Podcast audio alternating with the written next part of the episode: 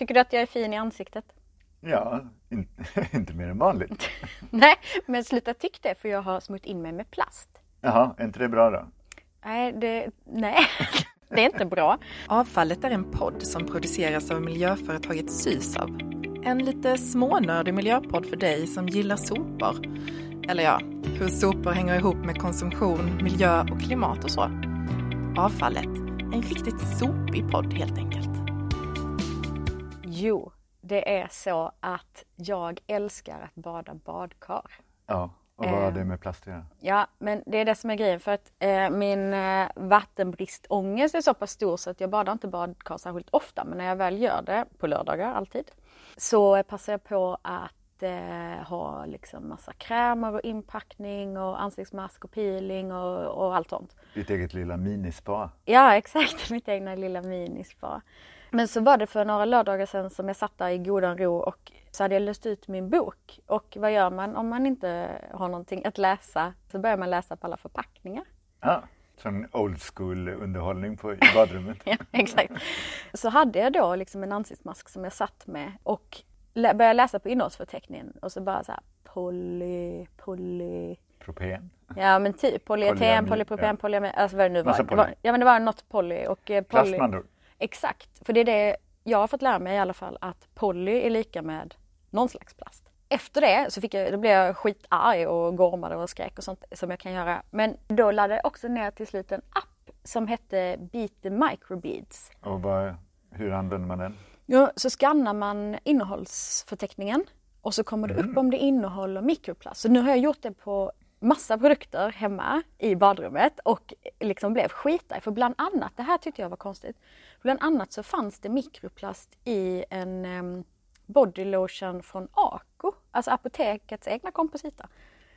Det förvånar mig för att jag tänker direkt så här bara, nej men apotekets egna, det ska väl inte, det är väl snällt. Men är det dåligt att ha mikroplast då? Ja, Varför då? Ja, men för om mikroplasten åker ut i avloppen, det, det liksom filtreras inte bort på reningsverken. Nej, så hamnar det i havet. Ja, vad Eller- händer då?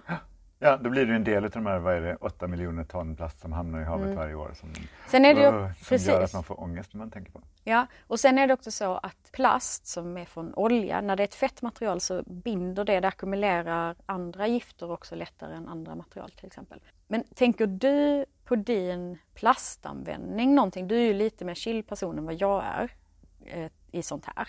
Men tänker du kring, hur tänker du kring plast? Alltså jag skulle inte säga att jag är chill kring min plastanvändning. Jag är nästan uppgiven kan man säga. För att jag har funderat på det här att ska jag ut och välja nu, vad jag- ska köpa någonting.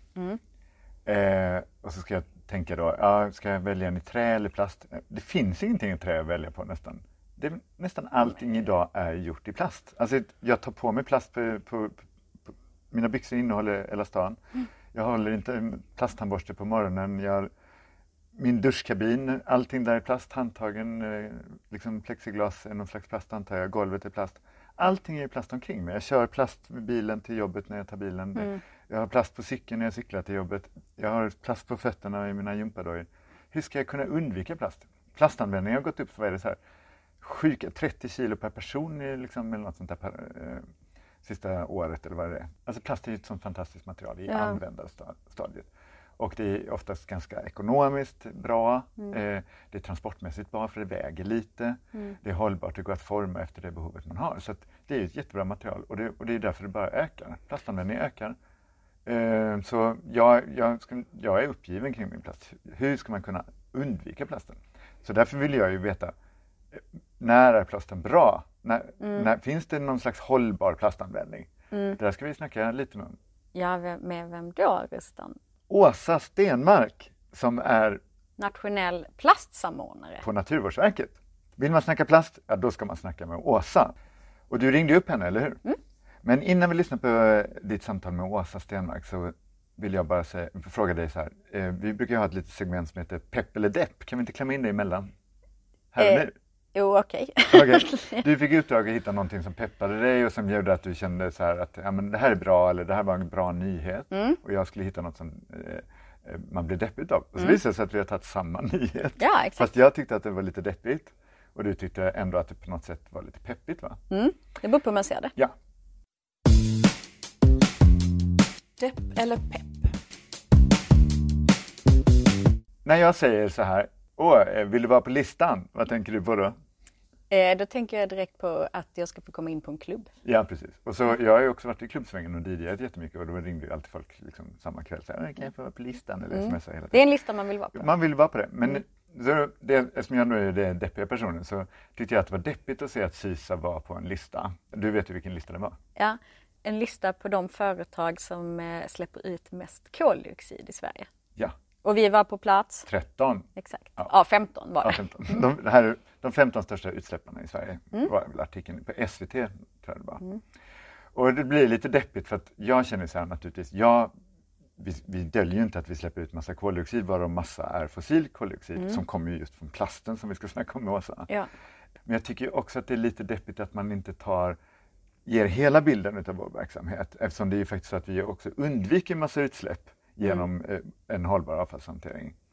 Eh, men du tyckte att det var peppigt ändå att du var på listan? Ja, men det kanske blir fel att säga eh, att det är peppigt, men jag kan känna så här eh, när man hamnar på en sån lista tycker jag också att det finns anledning till att prata om det. Alltså att, att jag kan se det positiva att så här, ja, nu lyfter vi den här frågan. Ja, och det gör vi i den här podden. Vi lyfter ju den frågan Mm. och jag tycker att den är jätteviktig.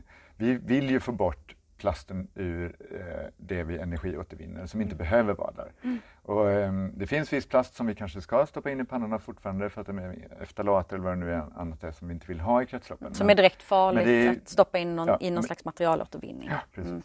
Men det är ju massa som hamnar där inne i vårt eh, avfallskraftvärmeverk som inte borde vara där. Och det är jättebra att det lyfts. Men jag tycker samtidigt också att ifall vi lyfter den frågan som är viktig, då ska vi också passa på att berätta om nyttan vi gör. Därför vi minskar ju också utsläpp i, i andra änden genom mycket stora delar av vår verksamhet. Ehm, eller hur? Men du, plast, Åsa Stenmark, Hon ska få svara på en massa frågor nu. kul. Nu kör vi.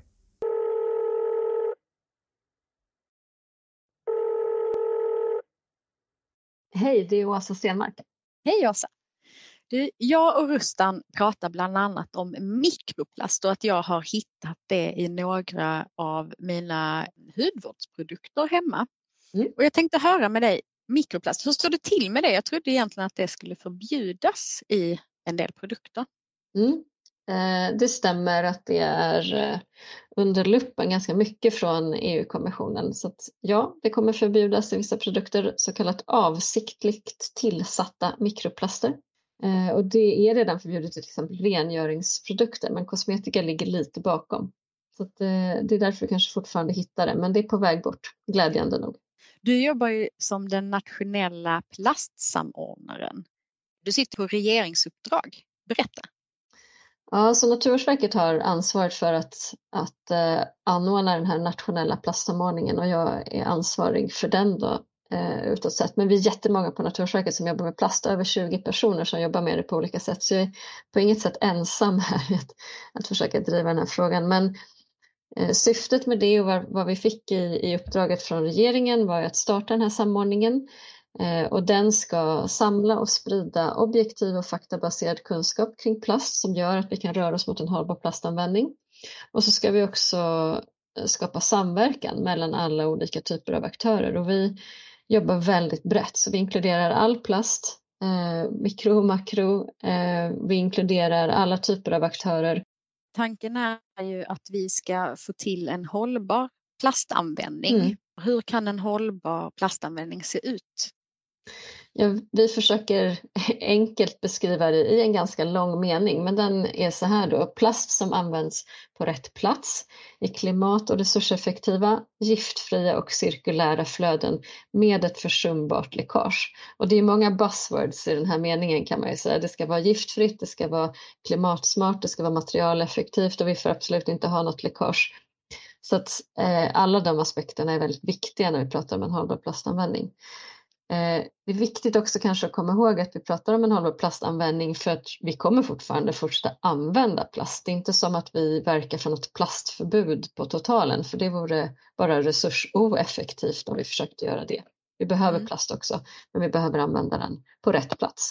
Det var ju väldigt lång beskrivning Mm. med, med massa ord. Hur ska vi tänka kring en hållbar plastanvändning? Vi har ju försökt dela in den här långa, stora, det, det stora perspektivet i fyra olika områden. Vi kallar dem för effektområden.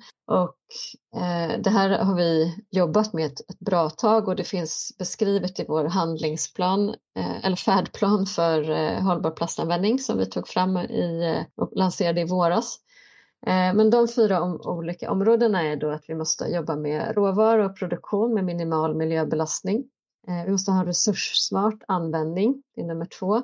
Nummer tre är att minska läckaget av plast till naturen.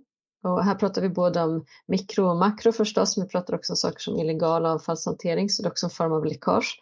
Och nummer fyra, eh, sist men inte minst, en kraftigt och ökad högkvalitativ återvinning som kan ge oss en återvunnen råvara, den här råvaran med minimal miljöbelastning. Se framför er en, en klassisk cirkulär ekonomimunk och så ger vi olika delar av den munken så att säga. Mm. Och när vi ändå kommer in på det här med plaståtervinning, det vet jag att det är många som undrar över. Hur går det med plaståtervinningen idag? Hur mycket är det som återvinns av de plastprodukter som sätts på marknaden? Om vi tittar på plastprodukter generellt så är vi sorgligt dåliga och ligger någonstans i senaste kartläggningen som vi gjorde som ju har ett par år på nacken nu men då låg vi under 10 procent när vi tittar på totalen. Eh, för förpackningar ligger vi ju bättre till. Eh, för förpackningar så kommer siffran minska eller redan har den minskat om man jämför statistik över åren vilket beror på att vi har ändrat sättet som vi räknar på så att den har egentligen inte minskat men Förut har vi räknat det som samlas in för återvinning och, nu, och det, det här gäller alla länder i Europa. Eh, nu räknar man det som faktisk materialåtervinning så den är mer korrekt men, men dock Mm, lägre. kan väl inte säga att vi ligger jättebra till eh, med förpackningarna heller. Vi behöver ju upp i nivåer, på förpackningar har vi målet 55 procent eh, och vi behöver upp någonstans där även för andra plastprodukter egentligen om vi ska liksom vara i närheten av att sluta den här cirkeln. Så det är mycket kvar att jobba på där. Hur ligger vi till om man jämför med andra länder? Ja, men då ligger vi ju ganska bra till. Vi har ett, ett bra utbyggt system. Vi är i alla fall medvetna om att vi borde sortera även om vi faktiskt, det är en del av problemet att vi inte sorterar ut så mycket plast så den kommer inte ens till, till återvinningen. Men vi vet att vi borde åtminstone så det är ett första steg. Eh, och vi har en, en infrastruktur som kan ta hand om det. Vi har en, en industri som börjar komma fram, en återvinningsindustri som kan börja använda råvaran och sådär. Så, så det är på gång eh, och vi ligger väl ja, där vi borde ligga givet det landet vi är om man jämför med andra länder i Europa och, och resten av världen kan jag tycka. Men med det sagt, som sagt så har alla länder ganska långt kvar då så att vi är bra om man jämför med andra men vi är fortfarande inte bra om man jämför med var vi borde vara. Hur mycket av förpackningarna återvinns idag om vi ska till 55 procent? Och om vi i förpackningar då inkluderar både det som vi slänger i hushållen hemma och det som verksamheter slänger, för det är också en väldigt stor förpackningsström det som kommer i verksamhetsdelen eh, liksom av det här, då ligger vi på totalen på 28 procent. Om vi delar upp det i, i vad hushållen har så ligger hushållen på 15 procent, det är ju rätt uselt faktiskt, och eh, verksamheterna på 46 procent. Och, och den här skillnaden beror ju förstås på att verksamheternas strömmar är ju stora och rena och ganska enkla att ta hand om om du tänker, ja det är logiskt att tänka sig. Eh, Medan hushållen, många olika typer av plastförpackningar, mycket att sortera, eh, många olika, fler olika typer av plaster också involverade. Så att därför ser man ju en skillnad där. Men eh, så 28 procent på, om vi räknar med alla förpackningar då, Mm. Eh, 15 om vi bara tar hushållen. Ja, stopp, stopp. Här, Ann, alltså jätteintressant samtal. Mm. Men eh, eh, ställde du inte frågan varför man får sätta sådana här produkter och förpackningar på marknaden som, som inte går att återvinna på grund av att antingen inte finns en marknad för det eller att man har klistrat på massa etiketter som att de faktiskt inte längre är återvinningsbara även om man kallar det. Jo, jag ställde den frågan hur man får göra det. Men innan vi fortsätter lyssna på, eftersom du ändå faktiskt bröt, eh, så innan vi ska lyssna på resten av intervjun så ska vi prata om något annat. Ja, ska vi klämma in eh, lite annat avfall? Okej, jo för det finns ju faktiskt ett avfall som också ofta hamnar i restavfallet fast det absolut inte ska vara där. Det hamnar där trots att många, de flesta och fler och fler i Sverige idag har möjligheten att sortera ut den eh, vid sidan av restavfallet, nämligen matavfall. Va? Mm. Det är ju så att fler och fler, heja heja, har nu den fantastiska möjligheten att lägga med sitt matavfall i, i en annan påse som sen behandlas biologiskt och som kan då bli till biogas för att tanka bilar och bussar med. Och, Och biogödsel med näringen ut på åkern igen och kväve och allt sånt där så att vi verkligen en Man- cirkularitet som vi gillar. Precis, man tar tillvara både på energin och på näringen. Ja. Men ändå, även där man har möjligheten, de som har en sån Mm. här påse att lägga i, lägger faktiskt alldeles mycket mat i restavfallet idag. För att, Mm. ja, vi ska inte gå in på det, utan vi ska snacka helt enkelt nu om matavfall. Men vi ska, vi ska prata om en särskild del av matavfallet som du och jag tycker är väldigt spännande att prata om. Vad är det? Matsvinnet. Vad är matsvinn då? Matsvinn är det onödiga matavfallet, alltså sånt som vi hade kunnat äta upp men som av vid någon anledning inte gör. Till exempel eh, det kan vara att mjölken blir sur, det räknas som matsvinn. För att man låter den liksom eh, bli sur, man tar inte hand om den innan. Eh, men det kan också vara sånt som eh, jag till exempel inte är den bästa vet, som jag skrapar av från tallriken då och då här på jobbet, vilket du har kommenterat, tack så mycket för det. Det pizzabiten som blir över på kvällen och sen så utan någon anledning Ja. tänker man inte att man vill äta den imorgon? Precis. För att vi ska väcka intresse kring det här med matsvinn och vi ska få folk att ta hand om sin mat bättre och hitta på nya fiffiga recept på att eh, ta hand om det, eller som bidrar till att minska, minska matsvinn, så har vi en kampanj. Ja. Och vem ska vi snacka kampanjen med? Vi ska prata med Susanna Kristensson som är Kommunikatör här på SISA. Ja, och som är just kommunikatör för den här kampanjen, Restorkocken.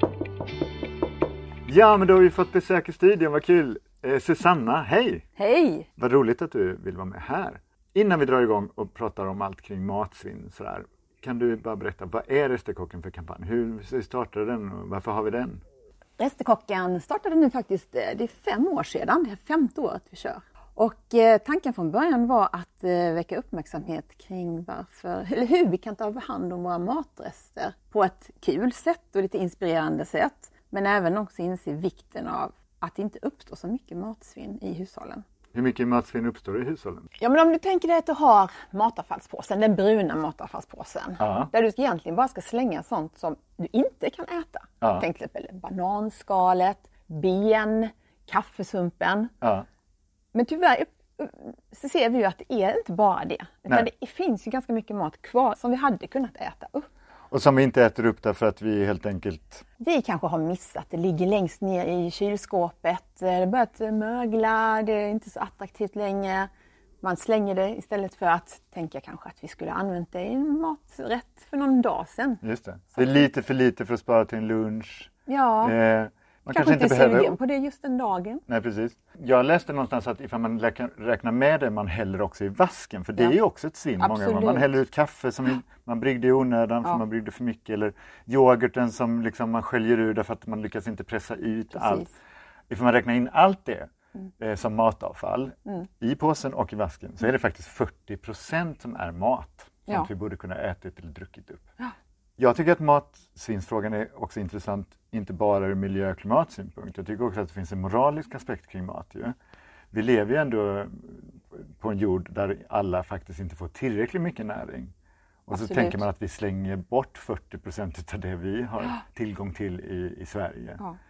När vi då jobbar mot en målgrupp som skolan kring Mm. matsvinn, eh, känner du att det ibland är svårt kommunikativt att det liksom inte blir för mässande eller prata för allvarligt eller domedagsmässigt kring den här frågan? Ja, men det tycker jag verkligen och det tycker jag är ett problem för, på många sätt idag. Att inte ge barn och unga någon slags eh, stress över klimatet och miljön och för att känna att eh, de ändå är duktiga och gör så gott de kan och de kommer ju så småningom också att ta över världen och göra den på sitt sätt bra, tänker jag. Men det som är så häftigt med barn det är att de kan påverka så många. De, eh, de är så engagerade, de kan eh, eh, ta med sig sin kunskap hem till hemmet. Och, eh, det Ja. Där läste jag faktiskt en jättepositiv utveckling i det som heter Ungdomsbarometern som är en rapport som kommer då. Och där visat sig att det är en klar uppgång bland unga i Sverige då att de känner att de har möjlighet att påverka sin omgivning. Eh, och det är mycket tack vare sociala medier säkert också, därför att man liksom har plattformar för påverkan. Men också inom familjen så säger unga idag att att de faktiskt kan påverka hur man äter och vad man äter Mm. i, i familjen. Eh, Mycket mer än vad förr. Och det är ju kanske för att vi lyssnar mer till barn, till barn idag. Vi, vi liksom har en barnrättskonvention och så vidare som är ett lag och sånt där. Ja. Så det är en positiv effekt. Jag gillar verkligen Resterkocken som kampanj just därför att jag tycker att det är ett positivt budskap. Mm. Eh, och att det är den här det vi brukar prata om inom miljöpedagogiken, handlingskompetensen som vi kommer åt. Det här är någonting de kan göra hemma. Ja, verkligen. Eh, så jag tycker att det är en jättefin kampanj. Ja, Hur tävlar man då? Hur är man med i Resterkocken? Berätta. ja det, man kan ju tävla både som enskild, alltså du gör det hemma. Mm. Du letar upp några gamla matrester eller någonting som du känner att du skulle vilja eh, göra något nytt av. Ja. Du tar fram det, du skapar din egen resträtt. Du tar ett foto eller du filmar eller du kanske gör någon, eh, skriver ner receptet. Eller tecknar. Tecknar, går jättebra. Eh, du laddar upp det sen på restekocken.se. Okej, nu säger vi det högt. Resterkocken.se. Resterkocken.se. Härligt. Ja, och sen är du med och tävlar. Och vi har, eh, tävlingen pågår mellan 1 oktober, så det är ganska snart, eh, till och med den 1 december. Det som är bra där är att eh, man kan få massa inspiration där redan eftersom vi har haft tävlingen igång. Och det finns även bra tips på vad du kan tänka på. Det finns även eh, möjlighet för lärare och pedagoger att eh, bli inspirerade av ett eh, undervisningsmaterial. Så är man då hemkunskapslärare, det heter inte så länge men jag vet inte vad det heter nu för tiden. Eller fritidspedagog eller, någon, eller bara en klasslärare som Ja. tycker att det här är spännande så kan man alltså engagera klassen, använda det pedagogiska materialet och sen hitta på massa spännande eh, resterkocksrecept liksom Ja. på rester man, som vanligtvis uppstår hemma. Och så skickar man in det och så är man med och så kan man vinna. Ja, du kan vinna fina priser är det faktiskt. Ja. Eh. Eh, Vi har två olika klasser. För de som går i F-klass, alltså förskoleklass, Mm. till årskurs 6 så har man möjlighet att vinna 10 000 kronor till klasskassan. Wow. Och även om du går i årskurs 7 till 9, också 10 000 kronor där. Ah, så det är två tävlingskategorier. Exakt. För att göra det lite mer rättvist. Ja, för att göra det lite mer rättvist. Och sen finns det även ett, eh, ganska många presentkort från Matsmart som man kan utnyttja som att ha en egen klassfest. Ibland när vi gör sådana här grejer, sådana här insatser och kampanjer så blir man lite beskylld för att vi, vi håller på och gör visserligen trevliga och roliga kampanjer men som alltid riktar sig till individ, på individnivå.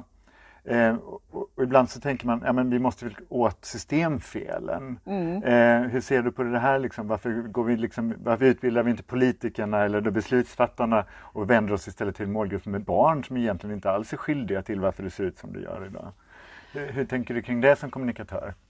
Jag tänker att man måste påverka på olika plan. Ja. Vi har eh, Resterkocken som vi tycker är en kul tävling och lärorik tävling. Och eh, det känns angeläget att få in det tänket redan tidigt, i en tidig ålder. Eh, jag tror att det måste finnas på, på många olika plan. Vi har valt det, denna eh, vägen. Vi vet att det uppstår väldigt mycket matsvinn i de svenska hushållen.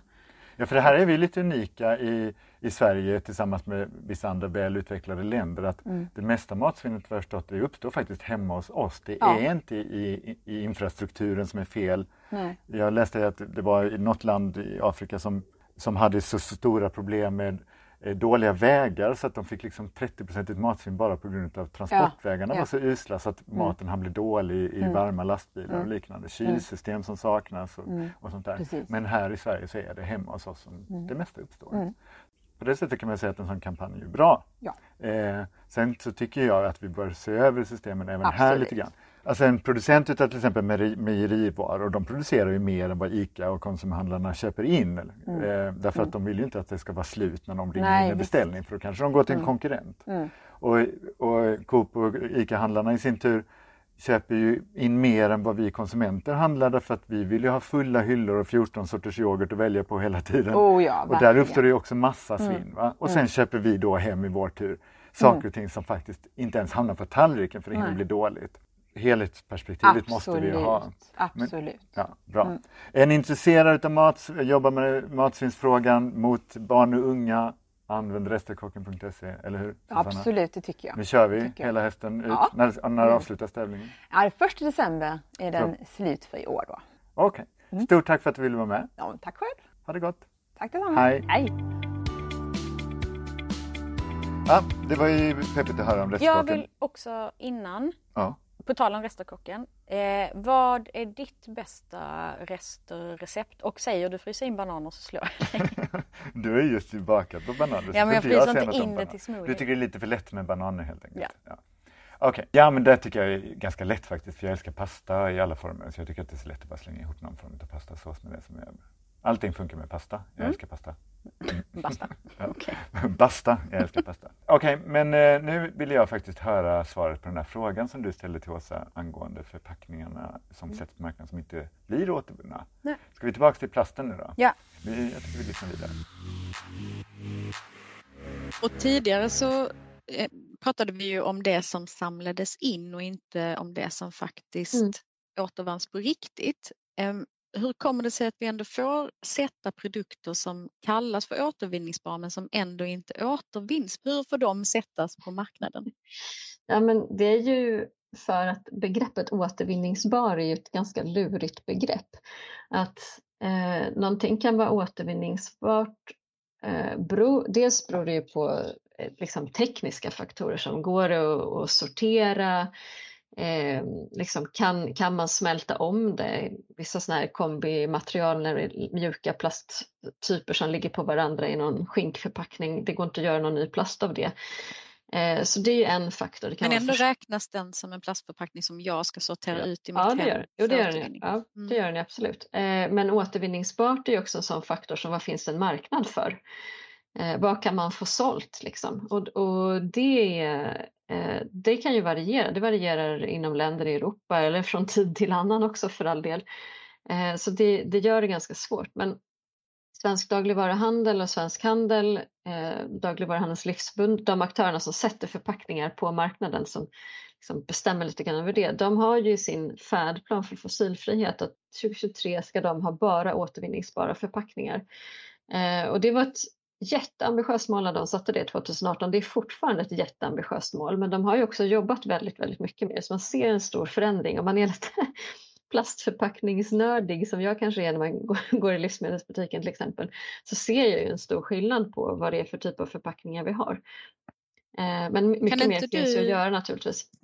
Kan inte du då eh, Mm. ge tips till de som lyssnar hur man ska tänka som konsument när man går och handlar? Ja, men det första tipset som jag egentligen vill ge det är ju att oavsett vad jag nu säger sen, släng alla dina plastförpackningar i förpackningsåtervinningen. Det är, det är liksom det viktigaste. Försök inte hjälpa systemet utan systemet finns där för dig. Eh, det är bra att de får in sånt som just nu inte går att återvinna för då ser de ju att, den, att det flödet finns där. Så det är, det är mitt, mitt viktigaste tips. Men om man då vill tänka att jag ska försöka göra rätt så, så välj en så genomskinlig förpackning som möjligt. Om du står och väljer mellan kanske en genomskinlig eller en färgad förpackning. Eh, välj en så ljus förpackning som möjligt liksom i, i andra hand. Eh, välj förpackningar där kanske två olika material går att sortera. Du kanske kan dra loss en kartong Eh, liksom, eh, hölje från ett, en innerskål i plast eller så så att försök, försök tänka så då. Eh, sen finns det ju andra mer som designtips mer då, tänk vad du använder för bläck och ha inte för stora etiketter. Men det är ju svårt som konsument att liksom råda över det. Mm. Vi har ju en del branschfolk som lyssnar på den här eh, podden också. Är det något, du gav ett bra tips till konsumenter i butik, men till branschen då som faktiskt designar eller producerar eh, produkter med plast?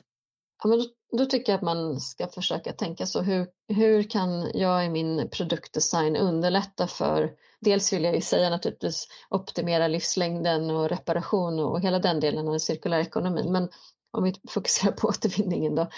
Eh, så att, att försöka tänka till kring hur kan jag göra den här produkten återvinningsbar? Kan jag göra delar som är lätta att ta bort snabbt så att det inte kostar så mycket tid att göra det? Eh, vilken typ av plast använder jag? Eh, det finns ju några stora plastströmmar som är det som används mycket och då kan man ju försöka hålla sig där och inte eh, liksom tänka för mycket utanför lådan. Men även förstås vilka tillsatser väljer jag att använda? Vilka, liksom, vilka egenskaper måste den här produkten ha och vad blir därmed nödvändiga tillsatser eller kanske helt onödiga tillsatser fast de ibland finns där på lite slentrian. Och med tillsatser menar jag till exempel farliga ämnen men det kan ju också vara färg. Eh, till exempel att eh, nu har vi en trend att, att alla datorer är svarta. Eh, och det är ju bra om man vill, om man vill använda datorplasten till nya datorer men det blir väldigt svårt om du ska stoppa in datorplasten i, säg ett kylskåp, för de är vi inte vana att de är svarta. Att försöka tänka så, hur, vad blir nästa led för min produkt? Var kommer den hamna när den väl är utkänt? Och jag vill nog också ge tipset att faktiskt prata med någon där i andra, kanske i avfallsled eller till och med i nästa produktionscykel. Vad kan, de, eh, liksom, kan man komma överens om kvalitetskrav eller ja, det finns ju massa typer av aspekter där som man liksom faktiskt, om man har en dialog kan man komma ganska långt. Och sådana dialoger börjar ju hända men skulle kunna hända ännu mer. Om vi utgår ifrån den cirkulära modellen, vilka åtgärder vill du se för en hållbar plastanvändning då Åsa? Vi måste jobba brett väldigt brett för att komma, komma i mål. Men några favoritgrejer då att säga är ju naturligtvis att, att tänka efter, behövs ens den här produkten eller vilken funktion är det jag vill uppnå med det här? Eh, och finns det något annat sätt jag kan uppnå den funktionen? Mitt favoritexempel är skoskydd på dagis för att eh, förskola heter det, för att föräldrar inte tar av, kan ta av sig skorna. Det är höjden av lathet och skapar massor med avfall. Eh, så det finns ju verkligen den typen av onödig konsumtion som jag tycker att vi bara borde stoppa upp. På samma tema kan man också tänka, behövs, hur mycket material behövs för att jag ska uppfylla den här funktionen? Alltså smart designade lagom stora förpackningar är väl det enklaste exemplet.